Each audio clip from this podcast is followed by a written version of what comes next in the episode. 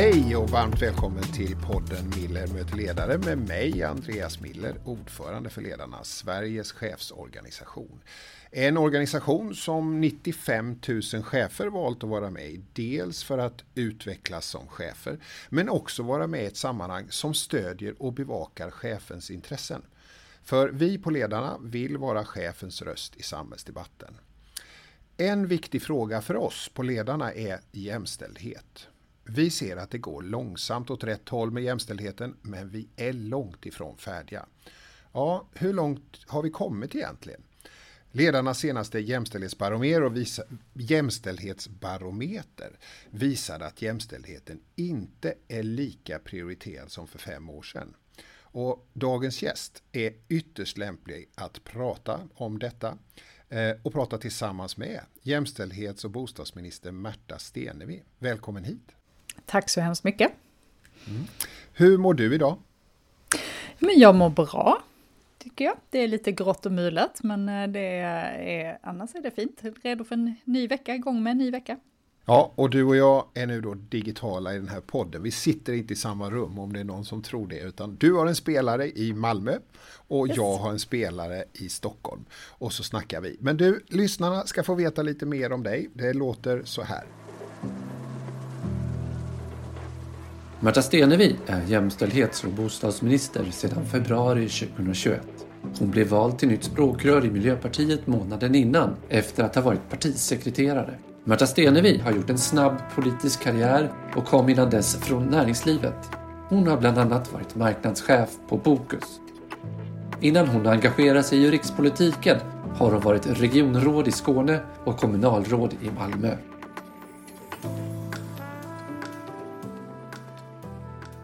Om man tittar på din karriär så valde du ju att bli politiker ganska sent. Du, du har liksom inte skolats in ifrån politiken från unga år och, och fortsatt utan du har kommit in ganska sent. Vad, vad var det som fick dig att ta steget och bli kommunalråd och regionråd och så tills nu språkrör? Ehm, jag ska väl säga att när jag engagerade mig politiskt 2012 så hade jag absolut inga eh, ambitioner att vara politiker eh, på heltid, utan jag eh, drevs däremot av att ha arbetat ganska länge i näringslivet, ehm, haft en, en del turbulenta situationer även där och kände att jag ville gå från att liksom, tycka om samhällets utveckling vid mitt köksbord och eh, faktiskt försöka göra skillnad och valde då att engagera mig i ett politiskt parti, Miljöpartiet. Uh, och uh, sen var det, blev det, var det som det blev. Ja, var det någon särskild händelse? Var det någon särskild fråga eller var, var det? Ja, det var tvådelat egentligen. Den ena frågan handlade om, jag, jag har ju inte en bakgrund i miljörörelsen heller, men jag satt ju och försökte göra bra val, både privat och i, i jobbet. Eh, och eh, klimatfrågan blev allt mer akut och eh, det blev väldigt tydligt för mig, inte minst i min yrkesroll, hur svårt det är att göra hållbara, bra val om inte de ekonomiska systemen är riggade för det. Eh, så det var det ena, insikten att ren efterfrågan kommer inte att lösa klimatkrisen, utan det måste till en förändring i regelverk, eh, i ekonomiska incitament, helt enkelt i det ekonomiska systemet. Och sen den andra, eh, den andra dimensionen handlade väldigt mycket om en känsla av, av rättvisefrågor, där jag hade fått mitt tredje barn och i ett antal situationer blev väldigt, eh, det blev väldigt uppenbart för mig hur olika förutsättningar barn föds in i samhället med och hur oerhört viktigt det är att utjämna de förutsättningarna för att vi ska ha ett stabilt bra samhälle och där alla barns rättigheter tas tillvara. Så de två dimensionerna var det väl som gjorde att jag tyckte att det var dags att engagera mig politiskt. Mm. Du, om du då tänker på, vad hade du för bild av politiken när du klev in och vad har du för bild av politiken nu? Och är det stor diskrepans mellan de bilderna? Um, ja, men, ja, det finns väl skillnader. Um, jag, skulle säga, jag var ju liksom väljare under väldigt, ganska många år. Jag hann ju rösta rätt många val innan jag engagerade mig politiskt själv. Och det var väl någonting som, eh, som jag blev väldigt akut medveten om i somras, ska jag säga, att eh, eh, liksom det perspektivet att sitta liksom, som väljare och se en sån situation eh, där man också känner väldigt, väldigt starkt att kan, kan ni inte bara sätta er ner och lösa det här? Eh, liksom, det, det kände jag väldigt starkt i somras, eh, att det perspektivet fanns, fanns med, fanns kvar. Ehm, sen kände säga, du att det, det mm. perspektivet fanns i dig, men kände du att det var svårt att lyfta det perspektivet i, i situationen så att säga? Att... Uh, ja, men jag tänker att det blev ganska mycket, vad ska man säga, det blev ju väldigt mycket låsta positioner och väldigt mycket skyttegravar på ett sätt som, eh, som jag tror utanför eh, utanför den aktiva politiken inte riktigt är, är man inte riktigt begriper. Um, varför det ska vara så svårt att sätta sig ner och, och lösa en sån här fråga. Uh, nu kan jag ju liksom efter tio år i politiken också förstå mekanismerna bakom det, men jag tror att det är väldigt viktigt också för tilltron till det parlamentariska systemet att vi ibland vad ska man säga, lyfter blicken från det politiska spelet och faktiskt tar till oss bara sakfrågan. Eh, för det där är ju en skillnad mellan eh, ska säga, världen utanför och min, min tid i näringslivet och politiken, att eh, det Eh, det här kravet på att faktiskt komma överens finns inte på samma sätt i, i politiken. Det finns väldigt starkt i, eh, om man sitter som mellanchef till exempel, att man behöver komma fram till en överenskommelse. Eh, och det, jag tror att det perspektivet är väldigt nyttigt att ha med sig in i de här diskussionerna. Då kommer vi in på det där, ni är två språkrör, det är du och Per Bolund. Eh, när man kliver in så där i, i, i ett språkrörsrelation då, hur, hur tänker man kring det där och hur hittar man varann och hur har ni gjort? Jag skulle säga att delat ledarskap, det har ju vissa utmaningar men har också stora fördelar. Just att man har en kollega som man kan vara oerhört öppen med, eh, som man behöver liksom hitta gemensamma, vi behöver inte tycka samma hela tiden, det gör vi inte heller, vi är två olika personer. Mm. eh, och med, liksom, ibland ser vi olika på, på saker, men vi eh, pratar ihop oss och det handlar mycket om faktiskt att vi har tid att just Eh, bottna i frågor tillsammans och hinner prata igenom. När vi har gjort det, eh, då kan vi ju istället dra nytta av att vi är två eh, och, och jobba väldigt effektivt med det. Så att jag skulle säga att vi, och vi kompletterar man på ett bra sätt, tycker jag, själv i alla fall. Per och jag är rätt så olika som personer. Eh, har lite olika sätt att uttrycka oss och eh, liksom lite olika temperament så. Men eh, finner liksom ofta att det att vi landar väldigt, väldigt nära varandra i, i liksom hur vi ser på saker och ting och vi delar ju då värderingar, vi delar ideologin och vi delar politiken. Eh, och sen har vi liksom olika sätt att närma sig ibland och det är väldigt nyttigt. Eh, eftersom man ju då alltid får ett annat perspektiv också. Så att det gör ju jag ska säga, det gör ju mitt ledarskap starkare att alltid eh, ha Pers ingångar med mig in i, i diskussionerna. Eh, just för att vi, vi eh, har, vi kanske ibland börjar från lite olika håll. Och det, så jag, har, tycker att det finns väldiga fördelar med det. Men det kräver tid, man, man ska inte underskatta att vi eh, liksom behöver den tiden för att prata ihop oss helt enkelt. Och du och Per, ni mäts ju som alla partiledare i vad det gäller förtroendemätning och sådär. Du och Per ligger i botten och det kan, alltså jag funderar på hur, hur kul är det där att bli mätt på det där sättet och liksom, ja, känns det orättvist ibland eller vad, vad, hur känns det? Ja, det kan det ju kanske göra, men samtidigt så, samtidigt så är det ju mitt jobb att, att arbeta upp de siffrorna. Mm. Eh, det är ju ett, ett, en uppgift som jag har varit väldigt eh, medveten om eh, och där finns en eh, eh, vad ska man säga, ett, en växeldragning mellan partiets opinionssiffror och partiledarnas förtroende. Eh, och vi behöver ju hela tiden arbeta på både och. Eh, nu nu jag, ser jag ju väldigt, väldigt mycket fram emot att vi ska komma ut i landet igen och, och kunna resa och träffa människor och liksom någonstans visa att vi Eh, både vi och vår politik är betydligt mer stabil och pålitlig än vad vi kanske beskrivs som ibland. Eh, vi kan aldrig helt äga bilden av oss själva och så är, så är det. Eh, men det är ju mitt och Pers jobb nu att, eh, att visa att vi förtjänar ett högre förtroende så här, för det tycker jag nog att vi gör. Mm.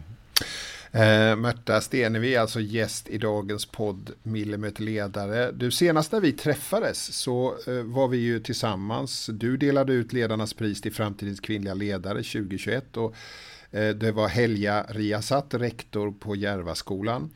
Eh, och det var 15 året i rad som vi på Ledarna utsåg en lista på 75 unga kvinnor som är framtidens ledare. Kvinnor från alla samhällssektorer. Eh, och när man läser den där listan, och det gjorde du också, så kunde vi ju konstatera att det finns inte brist på duktiga kvinnor inom offentlig och privat sektor. Och ändå så går det väldigt långsamt, speciellt inom svenskt näringsliv, för att nå jämställdhet.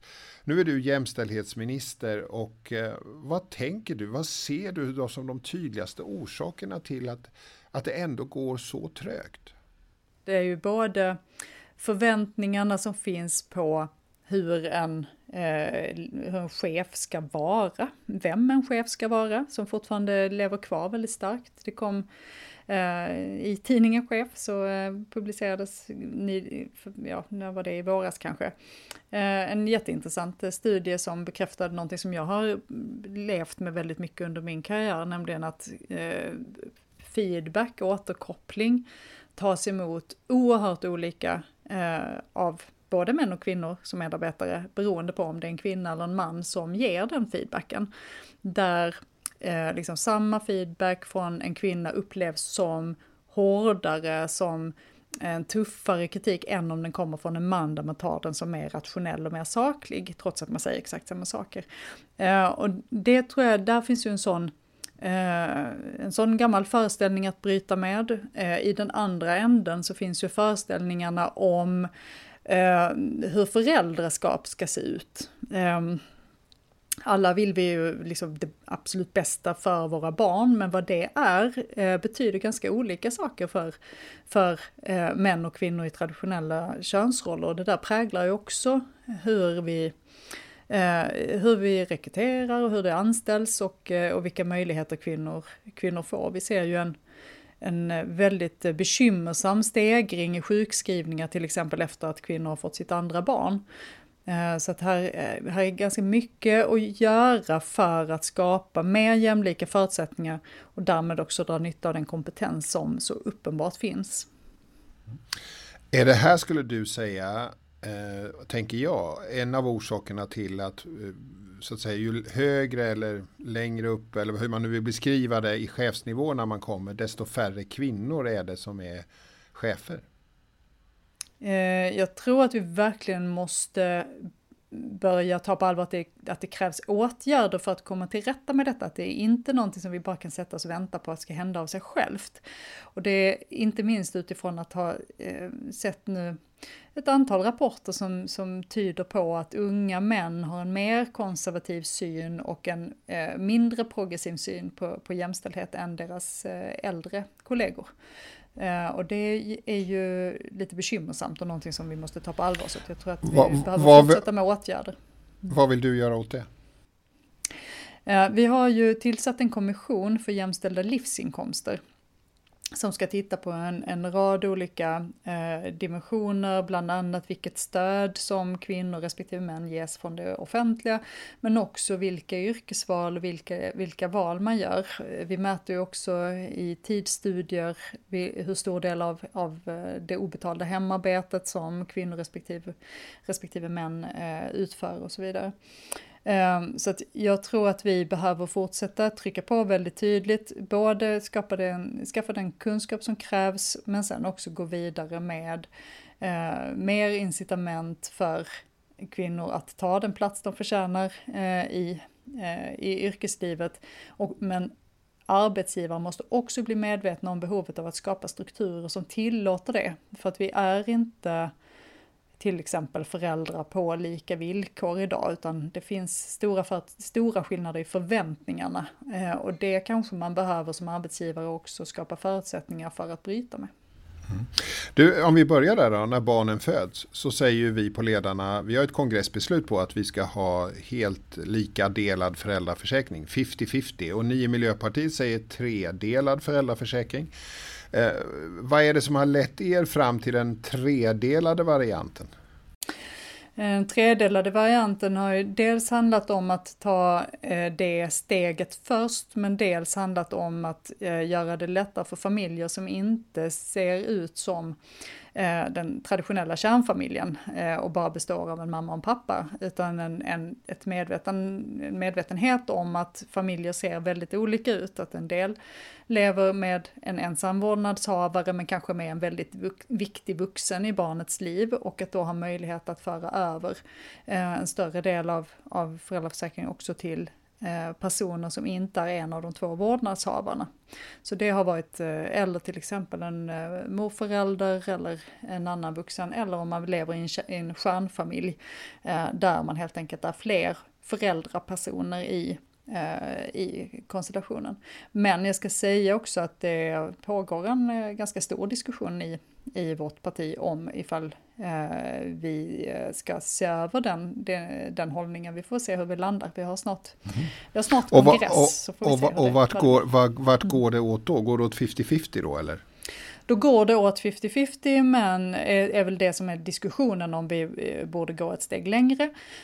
men här finns då samtidigt som vi ser det ett behov av att se Eh, att konstellationer kan se ganska olika ut. För att ta ett exempel där där vi vet att det finns familjer där kvinnor Eh, eller för den delen män, men inte minst kvinnor, eh, lever i situationer där man visserligen har delad vårdnad, men där faktiskt inte det föräldraskapet eh, tas.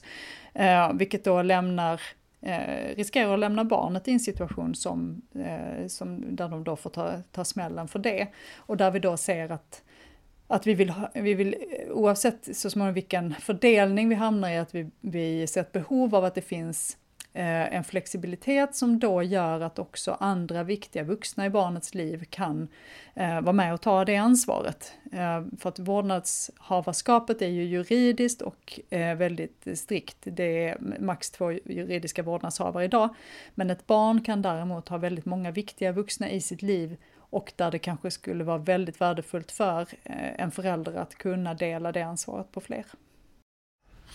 Nu är vi inne på olika beslut. Vi har ju också på ledarna så säger vi ju så här, vi har kongressbeslut på kvotering till bolagsstyrelser för att faktiskt få en förändring i bolagsvärlden. Eh, nu är det, finns det ju tillkännagivande som det så vackert heter i riksdagen som gör att det inte är en framkomlig väg. Men vad, vad, vad tänker du om det här med kvotering till bolagsstyrelser? Ja, vi har ju också eh, beslut på det eh, och eh, skulle väl se en, eller skulle definitivt se en fördel med det, men som du säger så är det ingenting som regeringen kan driva just nu, utan riksdagen har tydligt sagt, sagt nej till det. Um, så att i, i, den här mandatperioden är det inte möjligt att, att driva. Uh, däremot så tycker jag att man ska vara väldigt medveten om vad det, vad det tillkännagivandet gav för effekter. Eh, därför att det, det, syns väldigt tydligt i, eh, i representationen i bolagsstyrelserna hur den, en positiv utveckling, knäck, den kurvan knäcktes när det här tillkännagivandet kom och så att säga då hotet, eller hur man ska uttrycka det, om kvoterad, eh, om en kvotering till bolagsstyrelserna försvann. Och då eh, bröts den positiva trenden nästan omedelbart och eh, har också bidragit till att vi i Sverige har halkat efter och nu ligger eh, väldigt dåligt till jämfört med våra nordiska grannländer där den positiva utvecklingen har fortsatt. Så att eh, den här regeringen var ju beredd att gå fram med ett sådant lagförslag men stoppades då av riksdagen. Men jag tror fortfarande att det skulle eh, behövas. Så du menar att om du menar att det skulle verkligen behövas en lagstiftning här för att få tryck i frågan igen? Jag tror definitivt att det skulle behövas ett hot om en lagstiftning, om man får uttrycka sig så, även om det kanske låter lite, lite brutalt. Men att det skulle vara väldigt viktigt att den möjligheten finns. Nu finns inte den möjligheten, vilket gör att man då ser hur, hur näringslivet tappar efter. Eh, Märta, när du och jag pratar så är vi ju kanske i eh, början av slutet av den här pandemin. Vi vet ju inte, men vi hoppas ju verkligen att det nu ska hålla och att vi kan börja återgå successivt till våra kontor och så. Men vad är din bild som jämställdhetsminister? Hur mycket stryk har jämställdheten tagit under pandemin skulle du säga? Ja men ganska mycket tyvärr. Ehm, det Ehm, jag kan säga över hela världen så ser vi egentligen en väldigt tydlig effekt där pandemin har slagit hårdare mot flickor och kvinnor än det har mot, mot pojkar och män. Eh, I utvecklingsländer. Det här eh, bekymrar mig väldigt, väldigt mycket. Vi ser ju för första gången hur eh, fattigdomsutvecklingen går åt fel håll och hur det också i sin tur innebär att flickor hålls tillbaka från skolan och hur också barnäktenskapen därmed ökar. Så att när vi, när vi ser globalt så har det fått väldigt negativa konsekvenser för, för flickor och kvinnor. Här hemma så har ju arbetsmarknaden studsat tillbaka på ett ganska bra sätt nu. Eh, men de som har eh, lämnats efter är ju de som står väldigt långt ifrån arbetsmarknaden och där är utlandsfödda kvinnor en grupp som redan tidigare hade svårt att ta sig in på arbetsmarknaden, vissa eh, delar av den gruppen.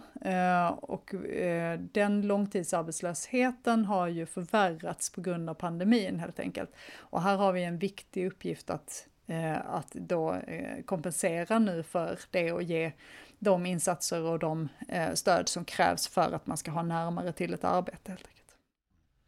Och du, nu ser det ju ut så här, om ni lyckas baxa den här budgeten och får riksdagen med er och sådär, så, så tyder ju i alla fall allt på att det blir en kvinna som blir statsminister i det här landet för första gången i vår parlamentariska historia. Vad tänker du om det? Um, ja, men det första man, som är svårt att inte tänka, även om det är kanske lite trist, men det är ju hur sjutton det kan ha tagit så här lång tid.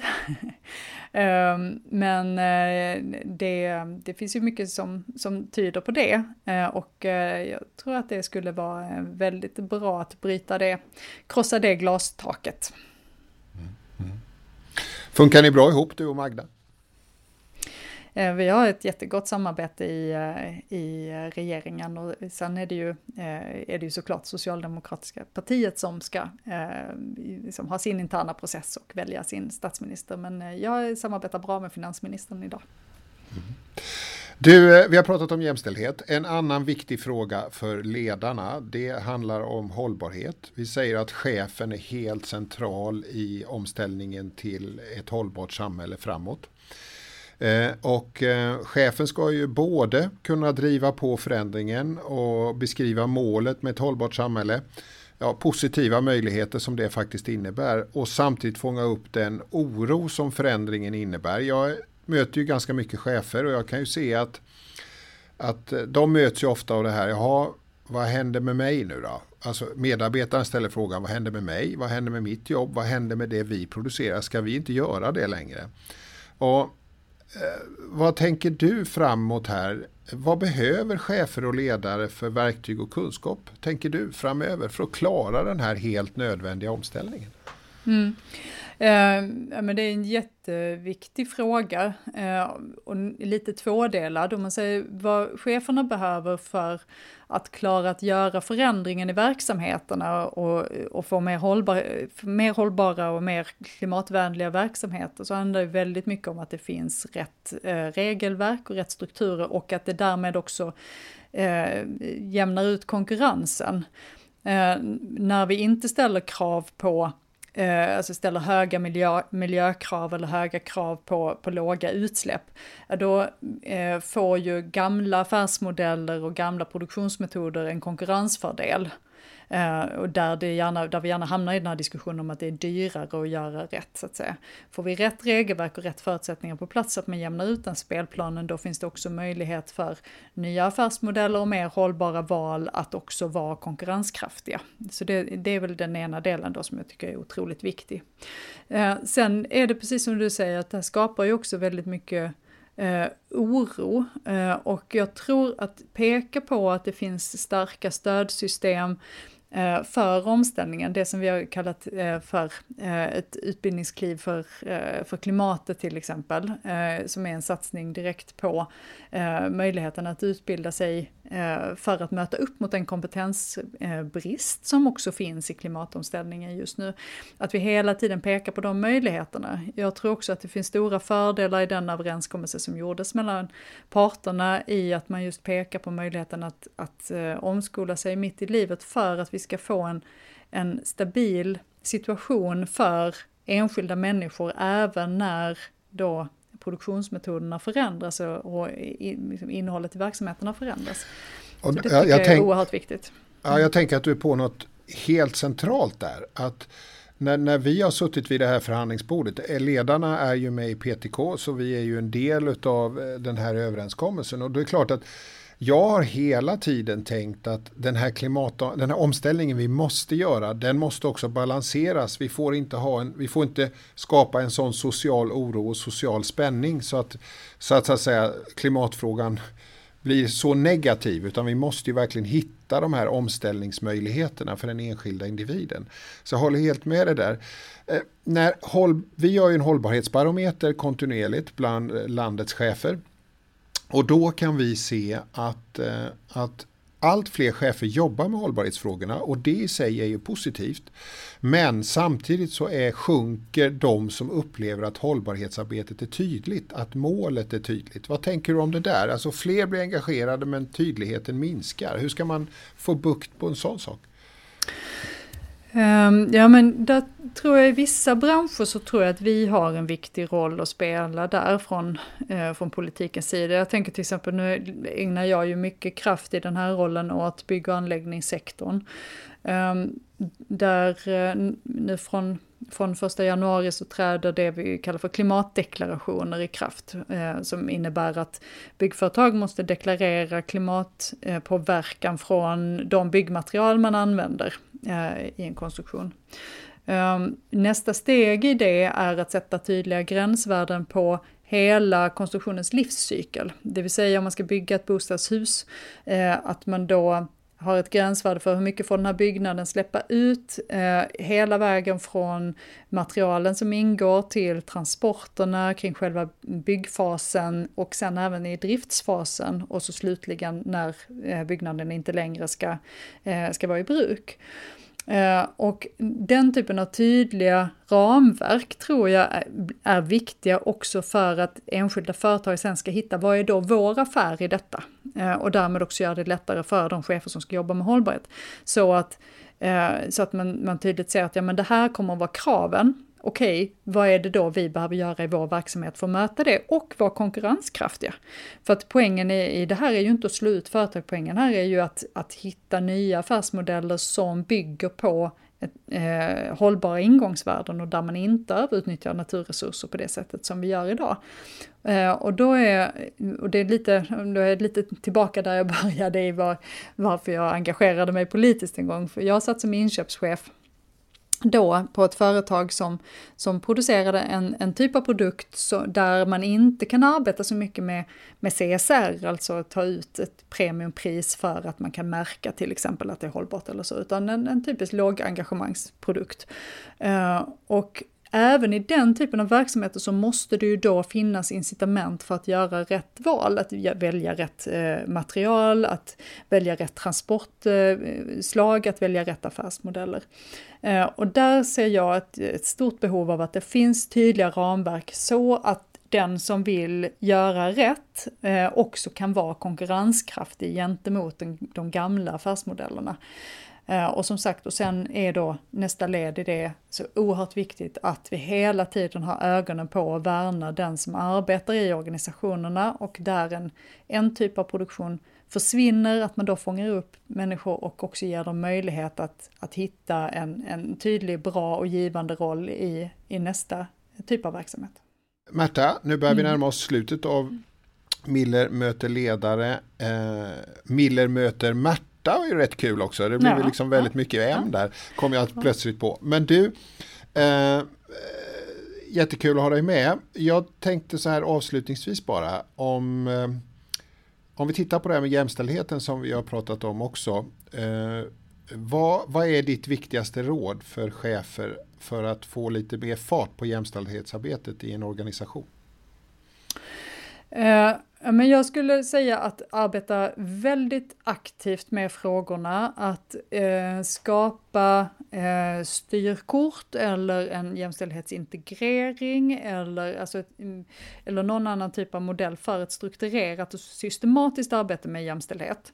Eh, att helt enkelt slå fast en gång för alla att en, ett, en jämställd arbetsplats vinner alla på och sen hitta systematiken i det. För att det är oerhört lätt annars att jämställdhetsfrågorna glider undan i vardagen. Eh, om man innan det liksom har satt sig. Och då tror jag att systematiken och sätta det som en, som en, eh, en prioritering i organisationen ger eh, ett mycket lättare förhållningssätt och en mycket effektivare väg framåt. Så att jag skulle verkligen säga systematik och, eh, och, och struktur och en tydlig målsättning. Ett gott råd till eh, chefer och ledare som lyssnar på den här podden Millimeterledare. Idag Märta Stenevi, jämställdhets och bostadsminister. Tack för att du var med och tack till dig som lyssnade. Eh, snart kommer det ett nytt avsnitt av podden. Tack för idag.